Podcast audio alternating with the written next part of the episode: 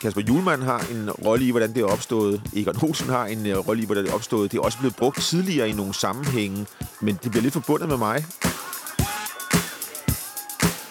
Jeg har fået mange sådan, henvendelser fra folk efterfølgende om, at hele den der sommer betyder noget, men også det, noget af det, jeg siger, noget af den kommentering undervejs, har betydet noget for dem.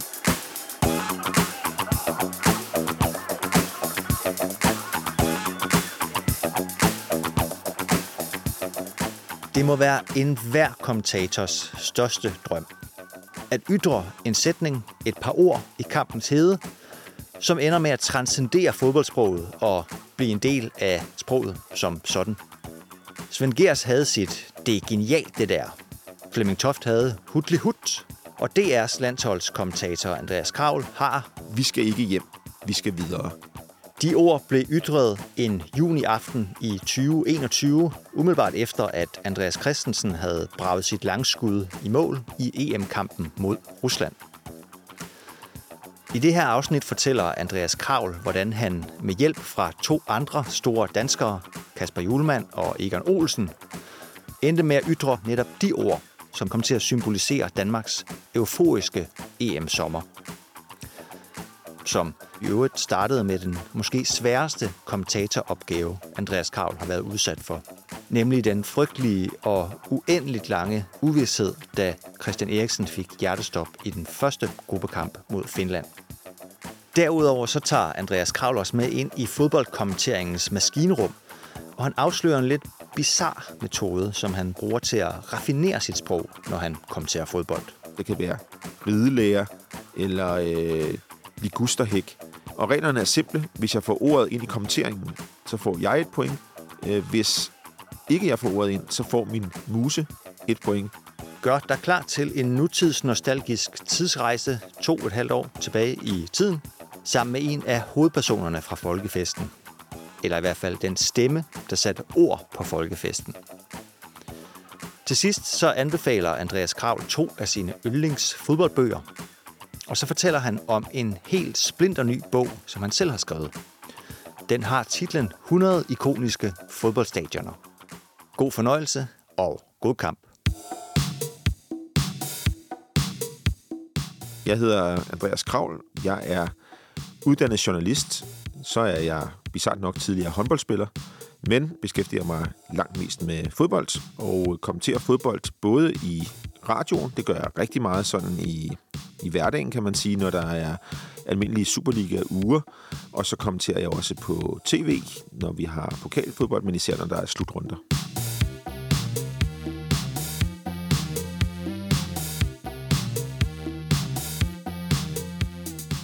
Vi skal ikke hjem.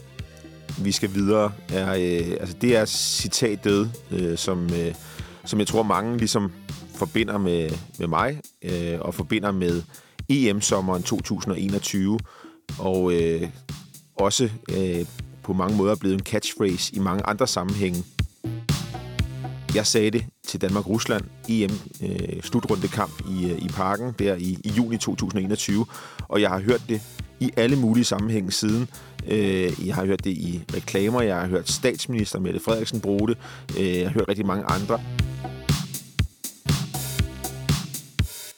Det er jo ikke mit citat, det skal jeg nok komme tilbage til, men det er jo ligesom der, det er blevet til den her catchphrase. Historien er, at jeg faktisk ikke siger, vi skal ikke hjem, vi skal videre.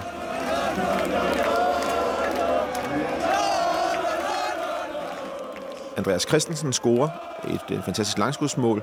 På samme tidspunkt har Belgien bragt sig foran mod Finland i den anden kamp, hvor Belgien skulle vinde, for at Danmark ville blive nummer to i puljen med en sejr over Rusland. Øh, så da Andreas Christensen scorer til 3-1, øh, vurderer jeg, at kampen er vundet for Danmark.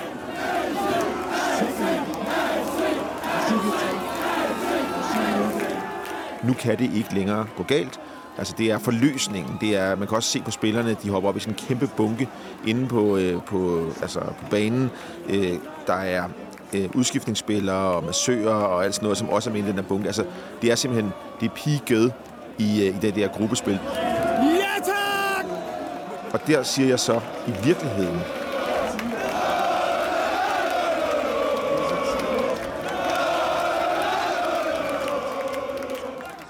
Vi skal ikke hjem. Danmark lever. Vi skal videre.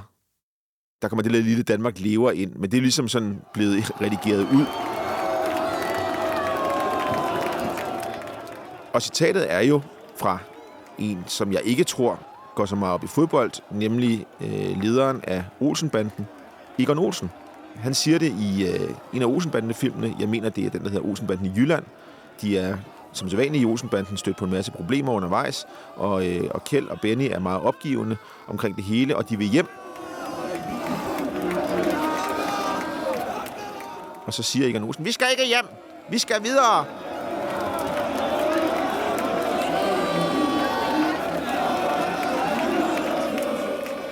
Og for at fortælle, hvor det ligesom sniger sig ind i fodboldkommentering, så, øh, så handler det om, at på pressemødet dagen inden den her meget, meget, meget øh, øh, vigtige kamp mod Rusland, og en kamp, der definerer alting omkring den sommer, fordi hvis Danmark ikke havde vundet den kamp og ikke var gået videre, så havde det jo bare været den sommer, hvor Christian Eriksen døde, øh, og heldigvis overlevede øh, hjertestoppet. Men så havde der ikke været alt det der med, at folk havde kravlet op i lygtepælerne og jublet, og, øh, og, og hele den der magiske fornemmelse af en EM-sommer.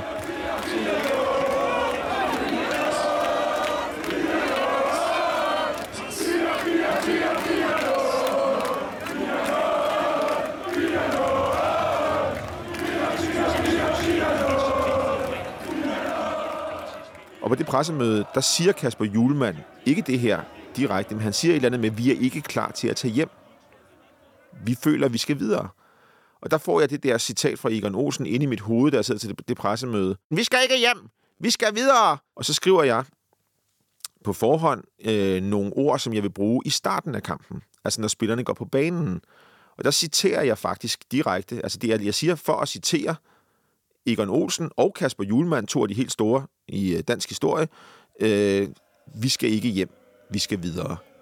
Så jeg har faktisk sagt det, sådan, øh, da spillerne er på vej på banen, i min sådan, åbningsspeak til kampen.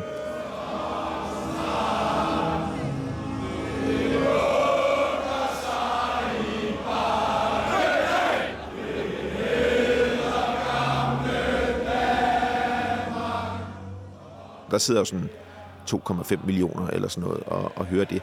Men det har, det har man ligesom lidt glemt, at jeg siger det der. Så da Andreas Christensen så hakker den ind på det langskud, og jeg i princippet ikke aner, hvad jeg siger, øh, og, øh, og også heller ikke skal vide det, fordi den slags kan man ikke skrive på forhånd, øh, der skal jeg go with the flow. Og det, der falder mig ind, det, der kommer ind i mit hoved her nu, er, at nu er den der. Altså, den er hjemme. Vi skal ikke hjem. Danmark lever. Vi skal videre.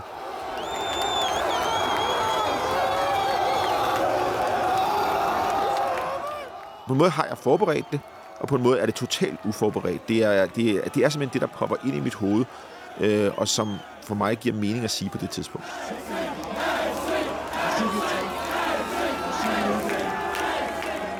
I vores øh, podcast på det, der hedder Fodboldlisten, øh, er der nogen, ikke os selv, men, men en bruger, der på et tidspunkt satte noget Celine Dion-musik fra Titanic ind over, øh, hvor jeg faktisk rammer præcis den samme tone, da jeg så ikke da jeg siger, vi skal ikke hjem, vi skal videre, men, men da jeg sådan råber ja, altså, eller, ja, der, der rammer jeg den samme tone, som hun gør i, i sangen, og det, det giver en meget fed effekt. Vi står sammen, syd om syd. Jeg har fået mange sådan henvendelser fra folk efterfølgende om, at, at hele den der sommer betød noget, men også det, noget af det, jeg siger, noget af den kommentering undervejs, øh, har betydet noget for dem. Øh, der er sågar en, der har spillet det klip, da han skulle fri til sin kone, hvilket lyder fuldstændig vanvittigt, men på en eller anden måde jo også er øh, dejligt at få at vide, fordi det har betydet noget for dem og for deres forhold og for ham.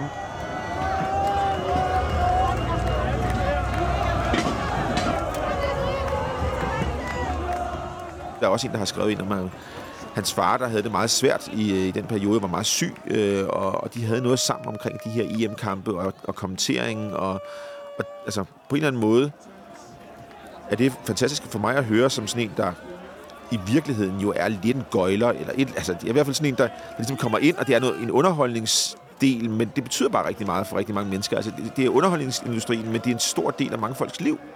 Øh, og, og det kan altså det kan skabe nogle sindstilstande, som jeg er meget fascineret af. Og, og det kan det jo blandt andet på grund af, af ordene.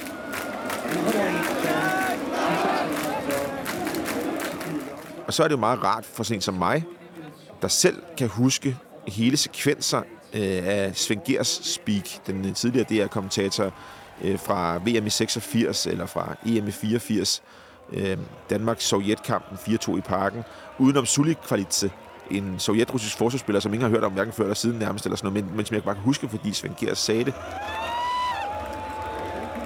Så med den baggrund, jeg har i det, der, er det sådan, der har det været jo fascinerende at se, jamen så er der nogle, nogle unge gutter, der går rundt og siger øh, dobbelt dolbær til hinanden, eller øh, altså, så er der boogie woogie i parken, bliver der trykt på en, en t-shirt øh, op i Nordjylland, øh, hvor Mæle kommer fra, efter jeg havde sagt det om et øh, Joachim Mæle-mål i, i parken.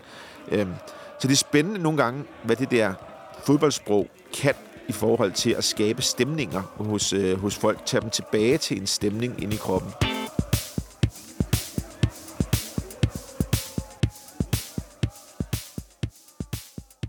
I virkeligheden så er, øh, så er fodboldsproget ret, plejer jeg at sige, banalt. Altså, forstå på Der er ikke så mange ord i fodbold. Øh, nogle af dem bliver lavet lidt om i forhold til, at i gamle dage hed det en kontra, nu hedder det mere en omstilling, og lige nu er det meget øh, populært at snakke om expected goals, eller der var også på et tidspunkt, hvor alt handlede om, det var fase 1, 2 eller 3 i opbygningsspillet. Og, og, så der er, altså, der er udskiftning af ord, men ellers er fodboldens øh, vokabularium ikke sådan, synes jeg, enormt stort og enormt interessant. Øh, og derfor synes jeg, det er spændende som fodboldkommentator og i øvrigt som ordmenneske, at, at øh, bringe andre ord, andre fraser, andre øh, måder at udtrykke det på ind i, øh, i min kommentering. Øh, det synes jeg også, at der er mange af mine kolleger, der er dygtige til. Det der med ligesom at lægge nogle andre termer ind i det, skaber noget, noget andet, og er med til at skabe sådan de fortællinger, som fodbold også er, og som fodbolden lever af, og som gør, at så mange mennesker interesserer sig for et forholdsvis simpelt spil, en, en leg med en bold, som er blevet løftet op til at være verdensomspændende, og jo i historisk lys har øh, været en del af diktaturer og krige og øh, fred, øh, fredsforhandlinger og alt muligt undervejs, fordi det ligesom bliver, bliver løftet op.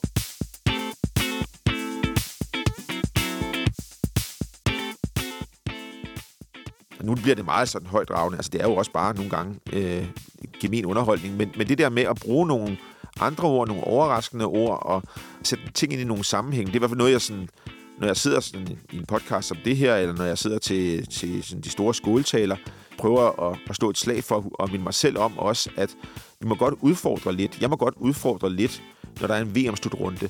Og der er jo rigtig mange mennesker, der sætter sig ned, som måske ikke er super fodboldnørdede, men som gerne vil se fodbolden, øh, have oplevelsen, have en eller anden fornemmelse af at være øh, en del af den der begivenhed.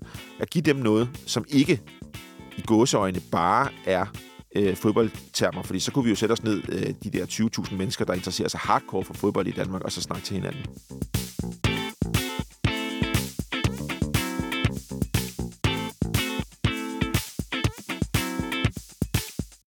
Jeg kan i hvert fald ikke forberede øh, sproglige guldkorn. Jeg kan ikke sidde derhjemme og så sige, ah, det her, det kommer til at lyde super fedt, fordi så bliver det, i mit tilfælde i hvert fald, opstillet.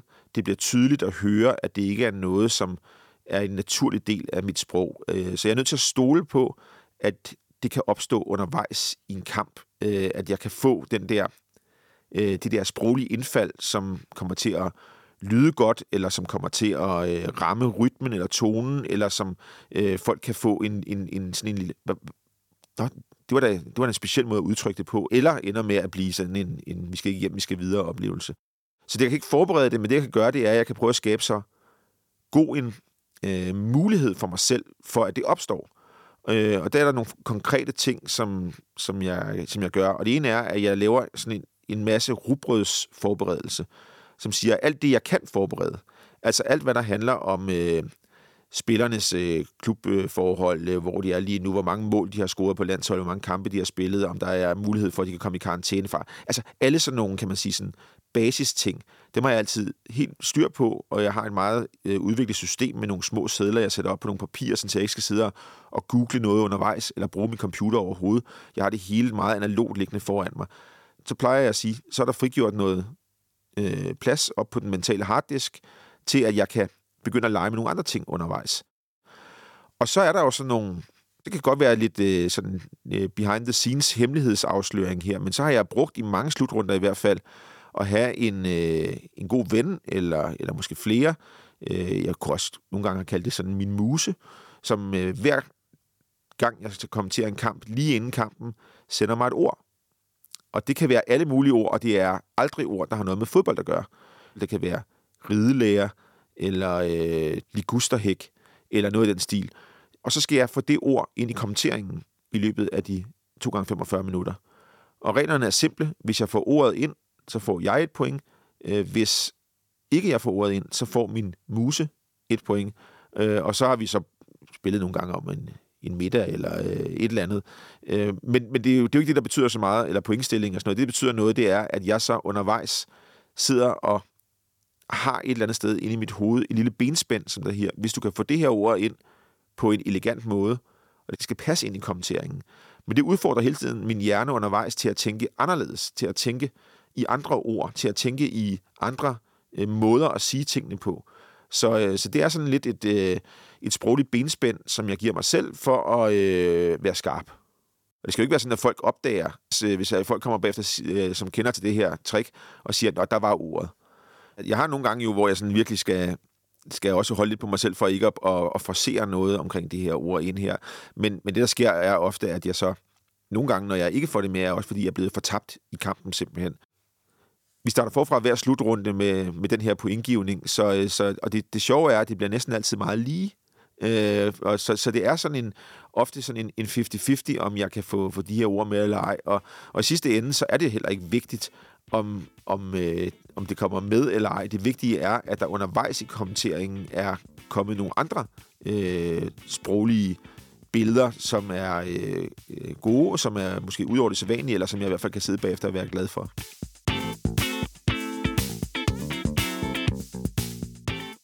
De letteste fodboldkampe at kommentere er de bedste fodboldkampe. Vi kan tage VM-finalen sidste år i Katar som et eksempel. Øh, Argentina mod Frankrig. Øh, måske nok den bedste VM-finale nogensinde, hvis man ser på spillemæssige drama og så videre. Ikke at det var i Katar, der er mange meninger om, men, men selve finalen var fantastisk. Vi kan også tage Danmark-Rusland, som, som jeg har talt om her, øh, at, at de kampe, hvor det lever så meget, der får jeg en masse forærende. Og der er min rolle som jeg i hvert fald har defineret den, ofte og træder også lidt tilbage, så er jeg fortælleren i en god roman. Det er ikke mig, der er hovedpersonen. Det er ikke mig, der, øh, kan man sige, udgør handlingen. Men jeg skal, som den gode fortæller, sørge for, at handlingen bliver bredt godt ud. Hvor at hvis det er en dårlig kamp, eller hvis det er en kamp, der går i stå undervejs, der er det der, hvor at, at, øh, at jeg ofte skal være mere sproglig kreativ, hvor jeg øh, nogle gange skal gå ind og sætte rytmen i en kamp. Altså, give den liv. Og det er ofte sværere i virkeligheden, end de kampe, hvor det hele lever af sig selv. Heldigvis har jeg ikke ret mange gange, hvor at jeg, jeg har siddet og, og fortrudt noget, jeg har sagt. Øhm, jeg er så også meget bevidst øh, undervejs om, øh, at jeg er for eksempel på, på DR, og jeg taler til et, et meget bredt publikum. Øhm, og, øhm, og jeg er også bevidst om, hvad jeg siger undervejs, selvom jeg nogle gange, sådan kan man sige, øh, også øh, giver los. Øh, så er det måske mere netop nogle gange, hvor jeg har været sådan, har jeg kommenteret for meget? Har jeg ikke givet øh, roen i kampen? Øh, eller, og, og det er nu måske også det nogle gange, hvor jeg siger, og, og som jeg også har skulle øve mig i, ikke at blive for nørdet, simpelthen, øh, i, i nogle kampe. Øh, ikke at, at tale for meget fodboldsprog, eller tale for indforstået omkring fodboldting, fordi jeg ser rigtig mange fodboldkampe, har rigtig meget referenceramme for, for fodboldens verden, men det siger sig selv, at når jeg så til en slutrunde lige pludselig taler til, til 2,5 millioner mennesker, for eksempel, i forbindelse med, med en, en Danmarkskamp, så er der rigtig mange af dem, der ikke har den referenceramme. Øh, og så kan man kun til en vis grad bruge den, og det er også derfor, at sproget bliver så vigtigt i forhold til at, at bruge termer, som, som er ud over bare det, det, det er sådan helt hardcore fodboldsprog.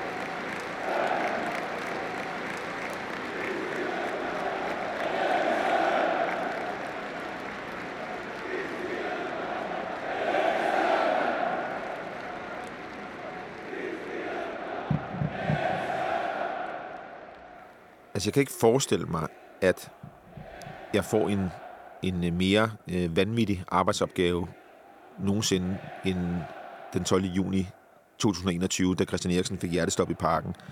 Jeg var heldigvis sådan, jeg var glad for den måde, det, øh, selvfølgelig det endte på i forhold til, at Christian Eriksen levede. Jeg var også rigtig glad for den måde, vi fik det gjort på, på DR, både med min kommentering, men også hele den måde, vi ligesom øh, fik viderebragt en meget, meget øh, alvorlig øh, tv-begivenhed til, øh, til de mange børn, der så med, til de mange voksne, og, og altså i hele taget den, den helt brede øh, skare danskere, som der, som der sad og så det her. Så det er ligesom den, den overliggende del af det. Men jeg har nogle gange efterfølgende siddet og tænkt på, hvor vanvittig en situation det var, fordi det sker hele tiden, desværre, at folk får hjertestop. Der er mange, der får hjertestop i løbet af et år i, i Danmark. Så i sig selv er det ikke en, en vanvittig begivenhed. Men det, der er så specielt, er, at det her, det skete den første gang nogensinde Danmark skulle spille en slutrundekamp på hjemmebane. Det var samtidig den tredje kamp overhovedet ved EM, øh, og den blev ikke spillet samtidig med nogen andre. Det vil sige, der sidder det meste af Europa en lørdag aften, faktisk i jo hele verden, og kigger på den her fodboldkamp. Normalt hvis der bliver spillet fodboldkampe rundt omkring i, i ligaerne, så er der jo nogen, der ser noget, og nogen ser noget fra England, nogen ser noget fra Italien. Og sådan. Altså, det her var fodboldkampen på det her tidspunkt. Så der er rigtig, rigtig mange serier i hele verden, der ser med.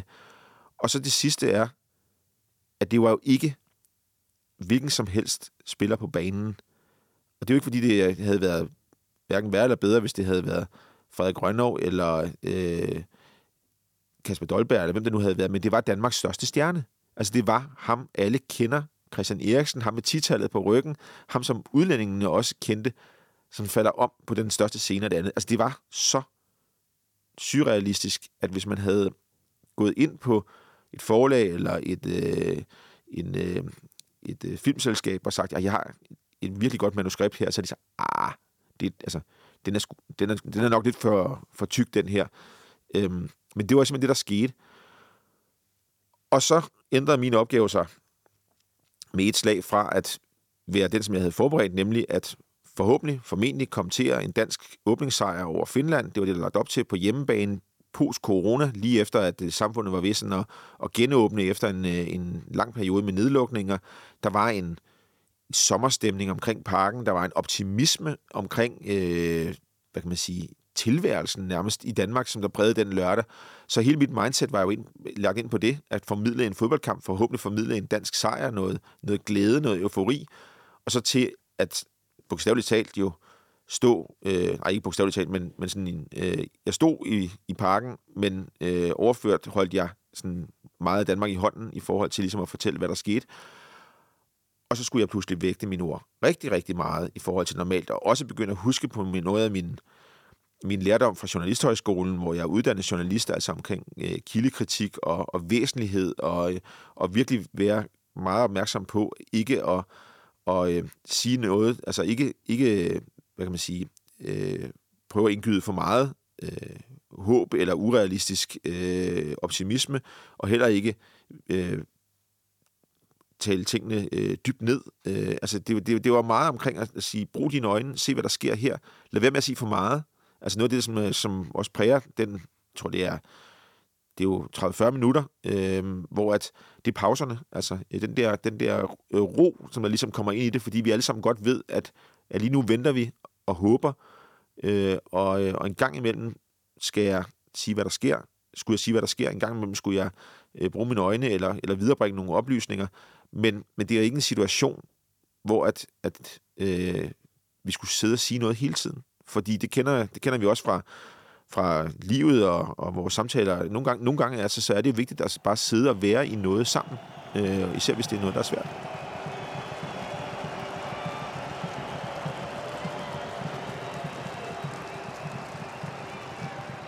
Det var en meget øh, speciel aften og, og en meget speciel opgave, og det er også i særklasse den, øh, hvad kan man sige, øh, kommentering, øh, den arbejdsopgave, jeg har haft, som der har affødt øh, flest reaktioner, øh, både øh, den dag og dagene efter og, og den sommer, men også øh, den dag i dag, at, øh, at folk, jeg møder, øh, som, som, som jeg taler med, øh, og så siger i øvrigt lige, øh, tak for den gang, Øh, og og så, så, kan jeg, så må jeg også sige selv tak, og sådan, altså, men, men nogle gange kan det også være sådan lidt, jamen, altså, jeg, jeg prøvede sådan set, altså, jeg prøvede bare at bruge min menneskelighed i, i situationen, og det er selvfølgelig meget rart, at, at folk synes, at den, den øh, gik godt igennem.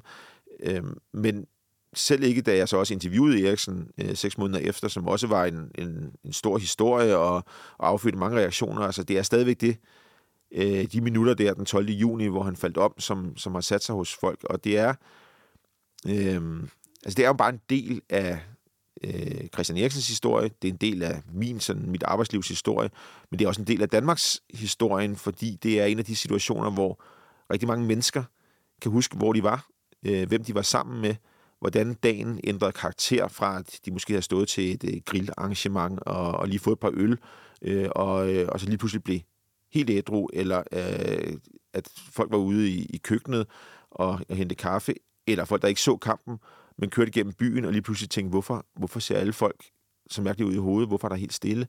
Øhm, og det, øh, det er en af de der hændelser der, ligesom mange har det med øh, 11. september, eller øh, nogle af de andre øh, sådan store øh, begivenheder. Altså, øh, det, hvor, hvor var jeg, da det skete? Og det, det er der jo med, med Christian Eriksen. Øh, så, så egentlig mærkeligt nogle gange, når jeg nu stadigvæk, han, altså, han, han spiller jo på landsholdet nu, og jeg taler med ham jævnligt, det gjorde det øh, for, for to-tre dage siden, og, og det fylder jo intet. Altså, det fylder intet øh, for ham. Øh, det fylder jo ikke ret meget for mig. Øh, og det, altså, det gør det heldigvis ikke, fordi det gik godt, og, og han er ikke mærket af, af situationen, og han er ikke et...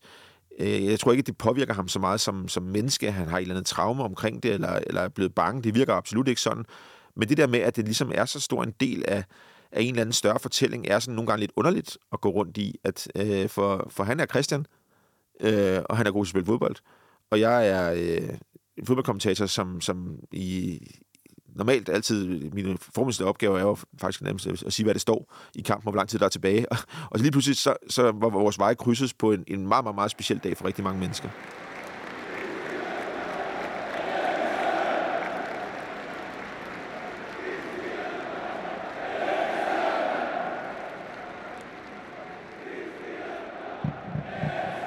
Specielle så var, at efter at det her med Christian Eriksen var sket, som i sig selv var nok til at øh, ja, fylde en, en bog, øh, en fortælling og sådan, altså så, så er det jo i virkeligheden der, at, at rigtig meget tager fart øh, den sommer, og, øh, og, og som også gør, at, at historien på en eller anden måde bliver, bliver endnu større for, øh, for hvis man virkelig skruer sig sådan helt op på, på de høje navler, og, øh, og sådan, så, så, øh, så vil jeg jo stadigvæk øh, hævde, at, at det, der skete med Christian Eriksen, var med til at skabe den sommer i, øh, i Danmark, øh, og, og med til at skabe måske også nogle af de resultater, som, som landsholdet lavede i den periode, fordi så noget, det, det rykker folk sammen. Altså, der var ikke nogen, der var i tvivl om at se det danske landshold.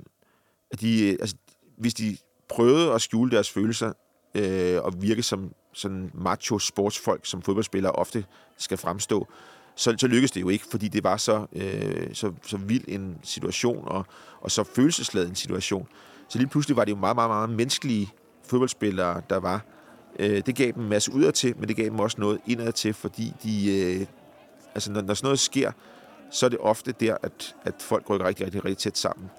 Og, og selvom fodbold er et spil, hvor det handler meget om øh, evner og om øh, de små procenter og øh, diætister og, og sådan noget, så er det også et holdspil. Altså det er også et spil, hvor at små hold kan godt øh, slå øh, som, øh, som undertippet, kan godt slå favoritterne nogle gange ved at være et bedre hold.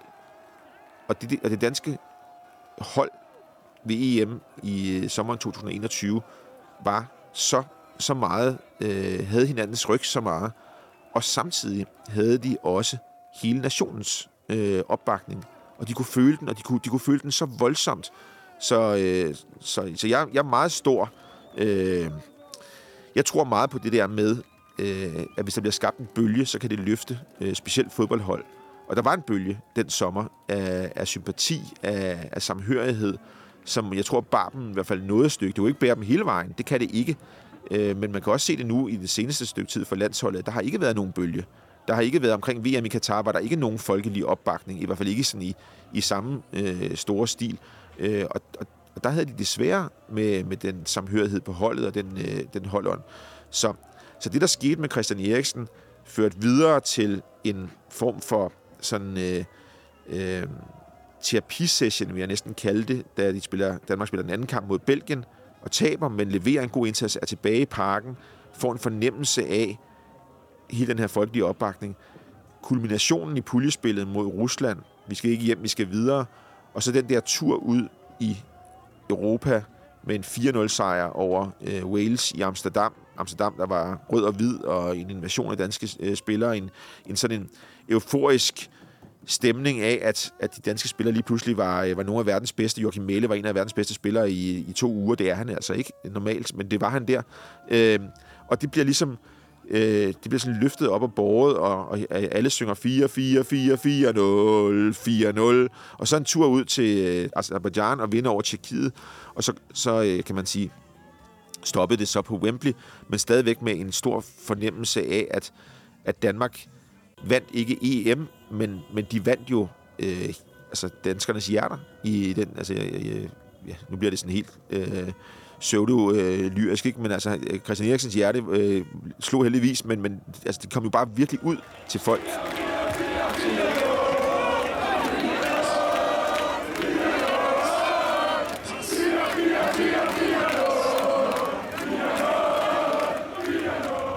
Så at få lov til, og der, der bruger jeg altså ordet, at få lov til at, at være fortælleren i det der forløb, det er... Øh, det, har været, det, det var fantastisk, altså, og, og, og det skal jeg jo ikke sidde her og, og lægge skjul på, at, at det handler jo også om at være øh, heldig nok til at være det rigtige sted, øh, det rigtige tidspunkt, øh, og, øh, og ligesom være, være ham, der, der har den der, og, og være den kanal, det, det er på. Normalt deler vi ofte slutrunderne med, øh, jeg er på DR, øh, normalt deler vi dem jo ofte med TV2, og så skiftes vi lidt til at have Danmarks kampe.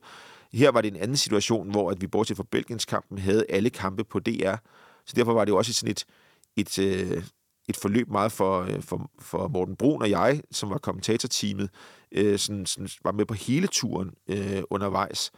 Øh, og det er en... Altså, det er jo en skilsættende øh, sommer i forhold til, til, til mit arbejdsliv, tror jeg, som, som kigger tilbage på. Jeg håber jo, der kommer masser af, af fantastiske kampe øh, og, øh, og sejre og måske lignende tilstande. Hvem ved næste år i, i Tyskland, når der er EM i fodbold, kan jeg da godt håbe, at der bliver skabt sådan en bølge af, af, af, af fodboldeufori ud over København, men også at og resten af Danmark, øh, men også ned gennem Tyskland. Altså det der med, at altså, jeg kan jo forestille mig, at der kommer kørende igen sådan karavaner af danskere ned og, og skaber stemning på, på de tyske stadioner. Men jeg tror ikke, at, at hele den dramaturgi, der var i sommeren 2021, at den, altså, den kommer næppe igen. Det vil jeg næsten ikke håbe, fordi det var så, så, øh, så fuldstændig vanvittigt.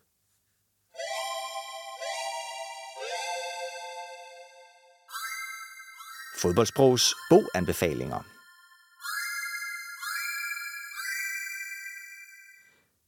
Altså i virkeligheden er det ikke altid, at jeg synes, at, øh, at fodboldbøger er, øh, er det fedeste. Øh, det har nok noget at gøre med, at jeg er... Øh, at jeg beskæftiger mig så meget med fodbold, at, at jeg nogle gange sådan, synes at øh, så skal jeg heller ikke læse det i min fritid, så vil jeg hellere læse øh, noget andet. Men, øh, men selvfølgelig er der nogle fodboldbøger. Noget af det er også sådan, øh, øh, er simpelthen stof, som jeg skal bruge også i, i min kommentering. Men der er nogle ting, som jeg gerne vil anbefale. Og nu har jeg jo snakket lidt om Morten Brun, som jeg har været så heldig at, at kommentere med, og som jeg også stadigvæk øh, ofte går en tur med, når, han, øh, når vi er ude til de samme kampe om formiddagen, inden øh, der skal spilles øh, om eftermiddagen eller aften. Og han har lavet et par bøger, øh, og især den om, øh, om dansk fodbold, der hedder Kampdag. Øh, den vil jeg gerne anbefale.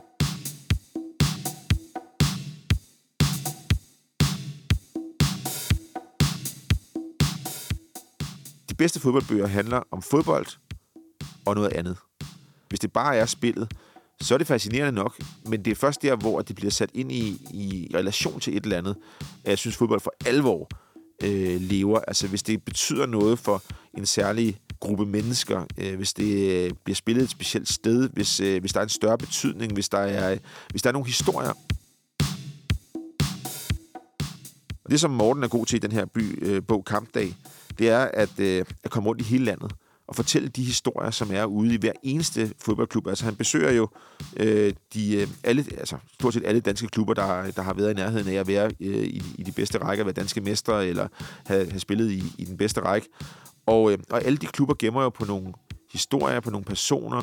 Øh, så, så, så udover at være en bog om fodbold, om dansk fodbold, så er det også en bog om Danmark og, øh, og vores foreningshistorik, øh, vores foreningskultur, og, øh, og på mange måder, og vi møder rigtig mange mennesker, der, øh, der, øh, altså, der er gamle i dag, eller der er unge i dag, eller der, der, er, der er så mange øh, undervejs, hvor man får et, øh, et indblik i det. Så den vil jeg anbefale. Den er også meget god, fordi man behøver ikke at læse den fra start til slut. Øh, jeg havde selv den, øh, den selv med på en, øh, en tur til Mallorca med min datter, hvor den passer lige perfekt til, at, at øh, der skal man jo lave en masse med sådan 111 år, og der skal man jo lave en masse med børn undervejs, og så lige pludselig bliver man afbrudt og sådan. Men det der med, at så kan jeg lige læse om Holbæk, øh, mens hun lige er i vandet, det tager jo ikke mere end måske 10 minutter at læse kapitlet om Holbæk, øh, men det passer lige, og så kan jeg godt lægge den væk, og så øh, når vi lige har fået lidt frokost, og, og, og hun sidder med en iPad, og sådan, så, så tager jeg lige og læser om AGF. Det er en god måde at, at kunne gøre det på.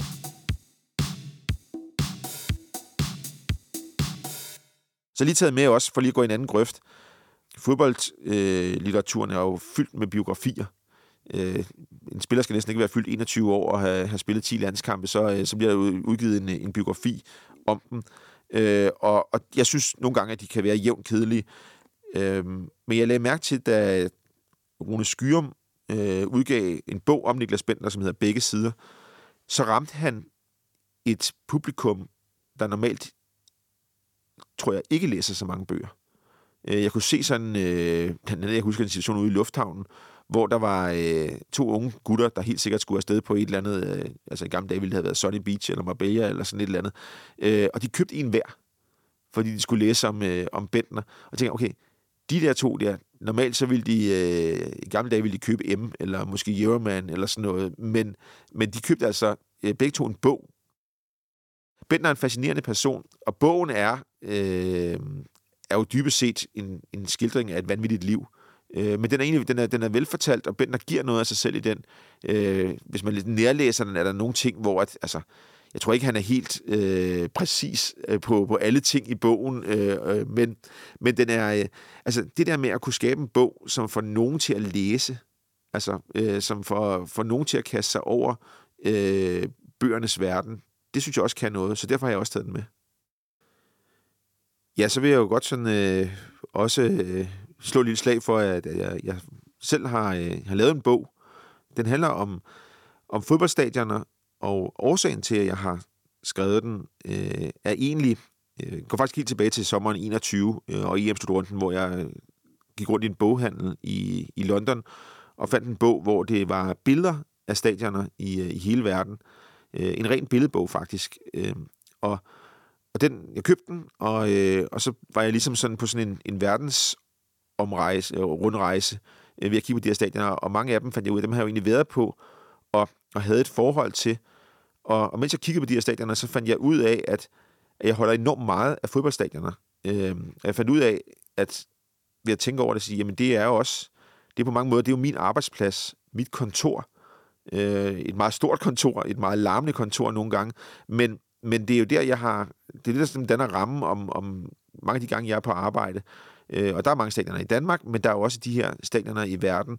Og så tænker jeg videre over det, og så tænker jeg, i virkeligheden er det ofte mere rammerne om kampene, som jeg husker, end det er selve kampene. Altså, jeg kan også godt huske øh, de store kampe, men, men, men det, det forsvæver mig, at jeg i stedet for detaljer i kampene, mere kan huske, måske detaljer ved stadion, øh, detaljer, hvordan det var øh, uden for luften, øh, fornemmelsen, øh, omgivelserne, eller, eller et særkende ved stadion. Øh, og, og jo mere jeg tænkte over det, jo mere tænker jeg, jamen jeg har, en, jeg har nogle historier at fortælle her. Øh, jeg har noget, noget viden, eller noget, øh, nogle oplevelser, som jeg godt kan dele med folk. Øh, fordi fodbold er så, så stor en del af mange menneskers liv, og rigtig mange mennesker kan også godt lide at rejse ud og se fodbold. Altså det er en del af, at hvis en far, en søn eller en øh, mor og en datter øh, vil tage et eller andet sted hen, og så, så, så øh, lægger de en fodboldkamp ind, eller måske bare et stadionbesøg ind, øh, som en del af, af rejsen. så, så jeg tænkte, hvis jeg nu slår det sammen med, at jeg har besøgt mange af de her ikoniske stadioner i verden, øh, og fortæller nogle af mine personlige ting, øh, og det kan jo være alt fra øh, en, en oplevelse, jeg har haft, eller et sted, man kan gå hen øh, og lige huske at se, hvis man, i, altså hvis man er ved Stadio Dalus, så husk lige at gå derhen samtidig, fordi det giver lige lidt ekstra til oplevelsen, eller ankom til stadion fra den her vinkel, fordi så får du det helt perfekte lys, eller prøv at se, om du kan få en aftenkamp nede på Mallorca, hvor du kan sidde og kigge ud på de bølger. Altså, nogle af alle de her ting, som, som jeg egentlig sådan vil ud med, og så samtidig selvfølgelig nogle af de, de fascinerende historier, som er en del af historikken ved stadionerne.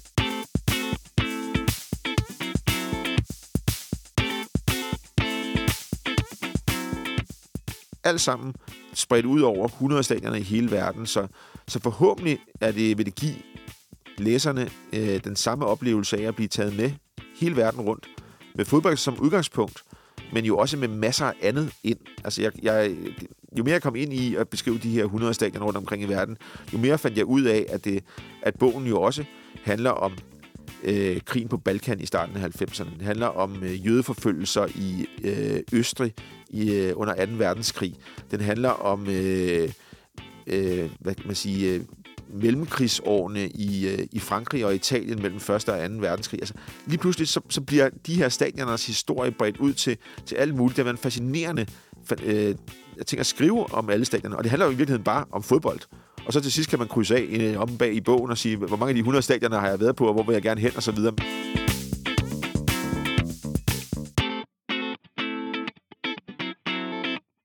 For mig handler de bedste fodboldbøger om, øh, om den fortælling, som fodbolden har skabt. Det er også derfor, jeg elsker mere end noget andet VM i fodbold.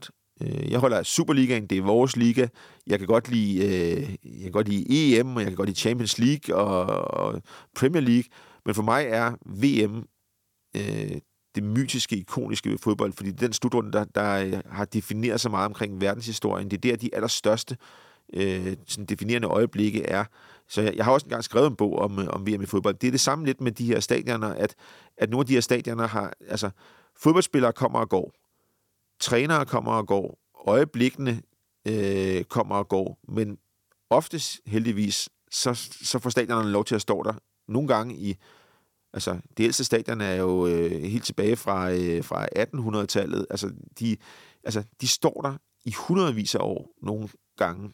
Øh, og så en gang bliver de revet ned, og så bliver der bygget nogle nye. Men, men det der med, at der står nogle grundpiller, som har set det hele, det synes jeg er, er meget fascinerende.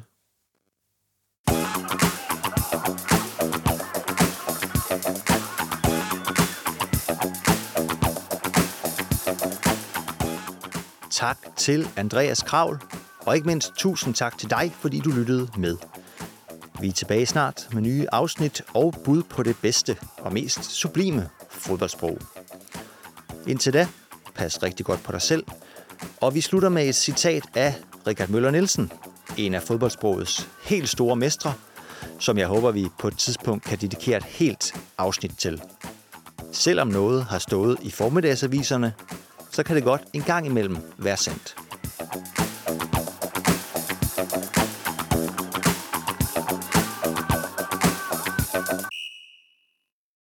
Denne podcast blev produceret af Biblioteket Frederiksberg.